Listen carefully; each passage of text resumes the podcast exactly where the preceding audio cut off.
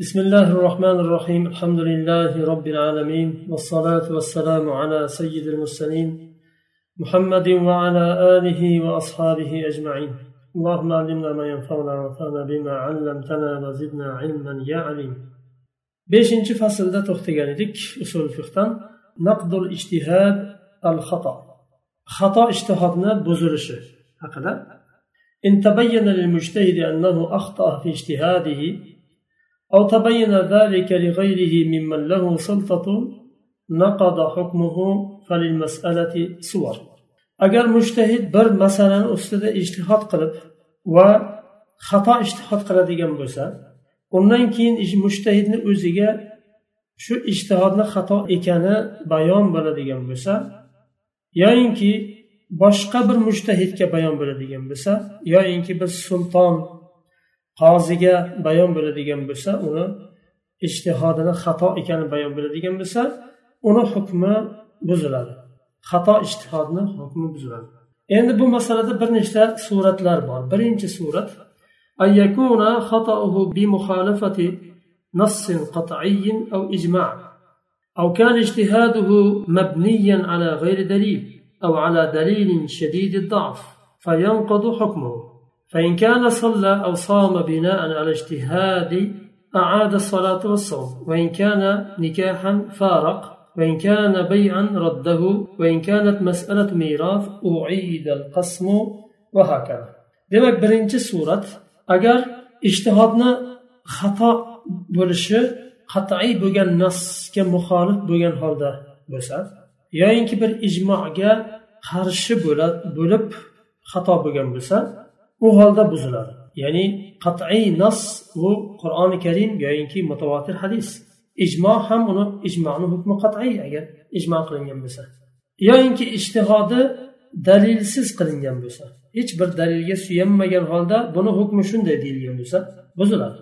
Yoyinki juda ham zaif hadisga suyangan bo'lsa ham buziladi. Agar bunday ijtihod bilan xato ijtihod bilan namozni ro'zani hukmi berilgan bo'lsa namozni qaytaradi ro'zani ham qaytaradi. Nikoh bo'ladigan bo'lsa nikohni hukmi berilgan bo'lsa xuddi shunday xato holatda nikoh buziladi. Er xotin ajratiladi. Agar savdo sotiq bo'lgan bo'lsa qaytariladi. Ya'ni mol egasiga qaytariladi pul egasiga qaytariladi. Agar meros masalasi bo'lsa bo'lingan meros yana qaytariladi joyiga qaytadan ishtihod qilib qaytadan hukmi chiqarilib tarqatiladi. Va shuningdek وكذا إن أفتى غيره بناء على هذا النوع من الاجتهاد فعلى المستفتي الرجوع عن عمله أيضا. أجر شنده خطا بر ijtihodga suyangan holda fatvo bergan bo'lsa fatvo oluvchi kishi ham amaldan qaytadi u ijtihodga amal qilishdan qaytadi وإن كان الذي حكم بناء على الاجتهاد المذكور قاضيا وجب نقض حكمه agar qozi shunday xato ijtihodga asoslangan holda hukm chiqaradigan bo'lsa hukmini ibtol qiladi buzadi. Demak bu birinchi suratda. Birinchi surat qat'iy nasga qarshi bo'ladi bo'lgan bo'lsa ijmoga qarshi bo'lgan bo'lsa yoyinki dalilsiz ishtihod qilingan bo'lsa yoyinki juda ham zaif hadisga suyanilgan bo'lsa. Ikkinchi surat yuqorida o'tgan dalillarga qarshi bo'lib xato hukmini olmagan bo'lmasa bo'lishligi kerak ya bo'lmagan bo'lsayu ألا يكون الخطأ بمخالفة شيء مما تقدم بل خالف اجتهاده اللاحق اجتهاده السابق yuqorida o'tgan qat'iy nas deyildi ijmo deyildi yuqorida o'tgan dalillarga qarshi bo'lib xato qilmadi lekin ikkinchi ishtihodi birinchi ishtihodiga qarshi bo'ldi birinchi surat endi tamom uni hukmi buziladi dedik ikkinchi suratda yuqorida o'tgan dalillarga qarshi bo'lmagan lekin ishtihodi ikkinchi ishtihodi birinchi ishtihodiga qarshi bo'ldi. Oldin bir hukm chiqardi ishtihod qilib undan keyin uni o'zicha xato deb bildida boshqa ishtihod qilib boshqa hukm chiqardi. Yoyinki bu mushtahidni ishtihodi boshqa bir mushtahidning ishtihodiga qarshi bo'ldi. ishtihod boshqa bir ishtihod bilan buzilmaydi ikkalasi ham bir ishtihod bo'lib qolaveradi فلا يلزمه إعادة الصلاة والصوم ولا يرد البيع ولا يعاد قسم الميراث ولا يلزمه المفارقة في النكاح ijtihod bilan demak ijtihod buzilmaydi dedik shuning uchun namoz qaytarilmaydi agar shu ishtihod bilan hukm qilingan bo'lsa ro'za ham qaytarilmaydi savdo sotiq ham e, mol egasiga pul egasiga qaytarilmaydi va taqsimlangan meros ham qaytarilmaydi nikohni ham buzilmaydi وكذا المستفتي الذي عمل بالفتوى لا يبطل عمله. فتوى سرب أمل قيان كشنهم أمل باطل بمعيد بزمي والقاضي إذا قضى بالاجتهاد ثم تغير اجتهاده ورأى أنه قد أخطأ فليس له أن ينقض حكمه الأول إن كان قد نطق به. qozi agar bir masalada ishtihod qildi va hukm chiqardi. Hukmni chiqarib bo'lgandan keyin ishtihodi o'zgardi. Boshqa hukmga suyandi boshqa hukm chiqardi keyin. Ya'ni bu mahkumni ustidan boshqa hukm chiqarmadi lekin ishtihodi o'zgardi. Demak hukmni ham ishtihodni natijasi u hukm va demak u kishini aqlida bu birinchi ishtihod bilan berilgan hukm xato deb bildi.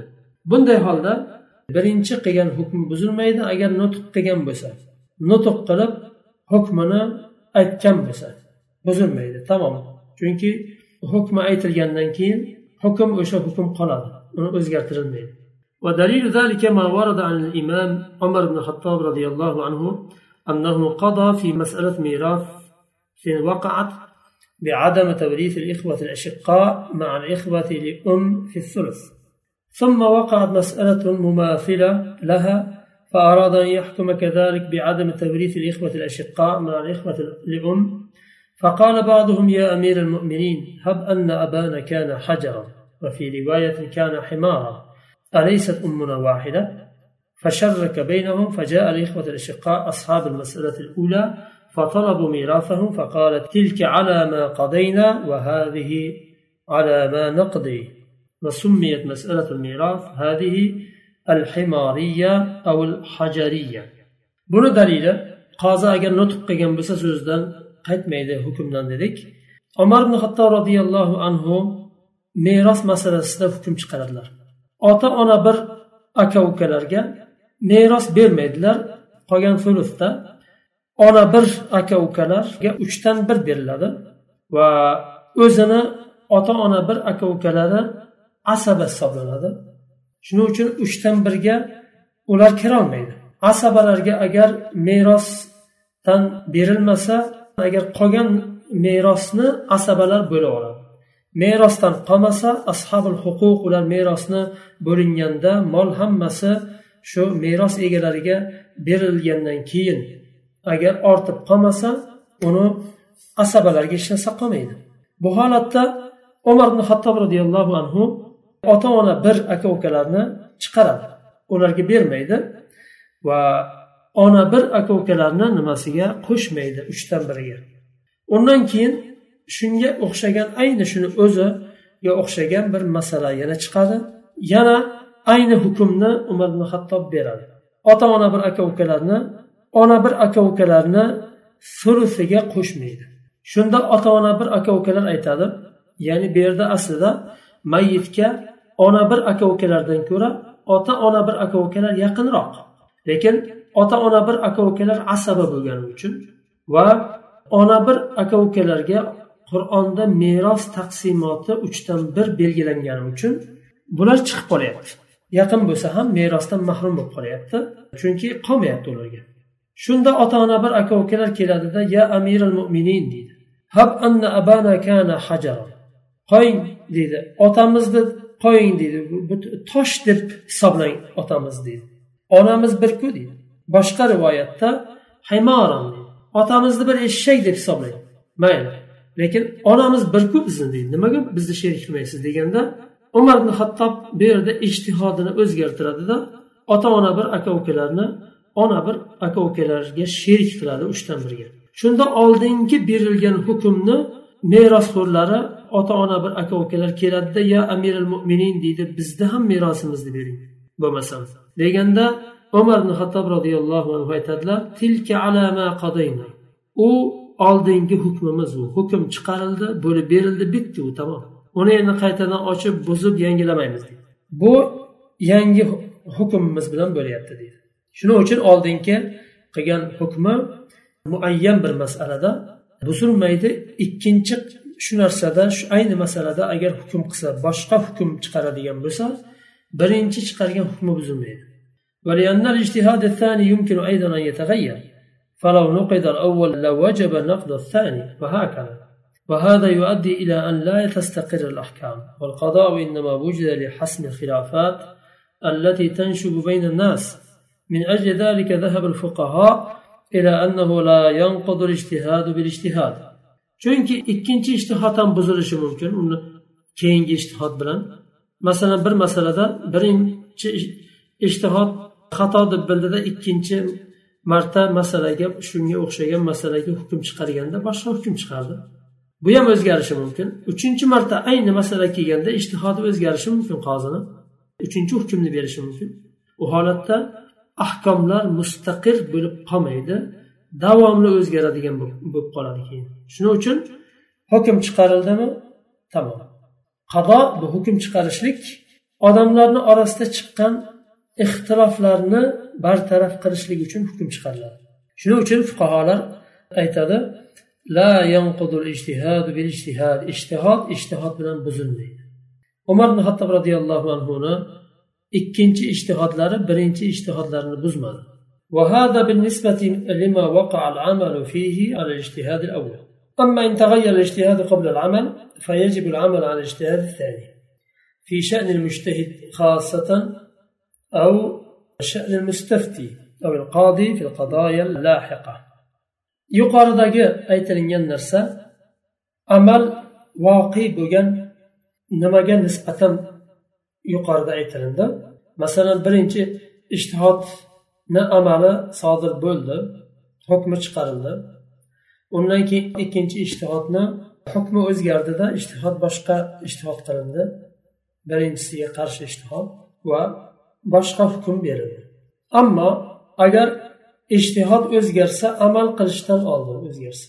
U holatda ikkinchi ishtihodga amal qilishlik vojib bo'ladi. Yuqorida umar ibn hattob roziyallohu anhuni misol qilib keltirdik u kishini ishtihodlarini birinchi ishtihod u amali sodir bo'lgan taqsimlanib bo'lingan bitgan ikkinchi ishtihodni amali ham sodir bo'lgan. Bu yerda birinchi ishtihodni hali amali qilinmadi. Undan keyin ikkinchi ishtihod birinchi ishtihodga xilof bo'lganda birinchi emas ikkinchi ishtihodga amal qilinadi. Chunki hali amal qilinmadi birinchisiga xosatan bu mushtahidni haqqiga. Yoyinki mustaftiy fatvo so'rovchini haqqiga. Yoyinki qozi hukm chiqarganda kelajakda chiqaradigan hukmlari xususida وهذا لما ورد عن الإمام عمر رضي الله عنه أيضا أنه كتب إلى قاضيه على الكوفة وهو شريح كتابا فيه ولا يمنعنك قضاء قضيته بالأمس وراجعت فيه رأيك وهديت لرشدك أن تراجع فيه الحق فإن الحق قديم والرجوع إلى الحق خير من التمادي في الباطل عمر بن الخطاب رضي الله عنه كوفة قاضي قلب tayinlagan qoziga shurayh roziyallohu anhuga xat yozadilar aytadilar kecha bir hukm chiqarib bugun fikringiz o'zgarsa oldingi fikringizdan qaytib boshqa bir ishtihodga suyanadigan bo'lsangiz va rushd hidoyatlangan bo'lsangiz masalan to'g'rilikka hidoyatlangan bo'lsangiz oldingi chiqargan hukmimizdan ko'ra yaxshiroq va to'g'riroq hukmga hidoyatlangan bo'lsangiz sizni haqqa qaytishdan hech narsa qaytarmasin deb yozadilar. Chunki haq u qadim eski u. Haqqa qaytishlik xayr. botilda qotib qolishlikdan ko'ra botilda turib qolishlikdan ko'ra qaysarlik bilan haqqa qaytishlik xayr deydilar أما القضية التي نطق بالحكم فيها فيجب تنفيذ الحكم agar nutuq bilan hukmni chiqargan bo'lsa u holatda hukmni tanfiz qilishlik ijro qilishlik vojib bo'ladi ولو تغير اجتهاد القاضي قبل التنفيذ hukmni ijro qilishdan oldin mushtahidni fikri o'zgarsa ham biror kishini haqqi yo'q u hukmni o'zgartirishga agar yuqorida aytganimizdek agar birinchi hukm qat'iy dalilga qarshi ijmoga qarshi bo'lgan bo'lsa bu so'zlarni aloqasi yo'q nutq qilgan bo'lsa ham qaytadi وحاصل هذا ما تعبر عنه القاعدة المشهورة al la yunqadu bil ijtihad mashhur qoidaga ko'ra bu ya'ni yuqorida o'tgan nimalarni hammasi al ijtihadu la yunqadu bil ijtihad ya'ni ijtihod ijtihod bilan buzilmaydi degan qoida bor fiqda fiqiy qoida. Shu yerda to'xtaymiz. Keyingi darsda inshaalloh davom etamiz. Subhanaka allohumma bihamdik. Ashhadu an la ilaha illa ant astag'firuka va atubu ilayk.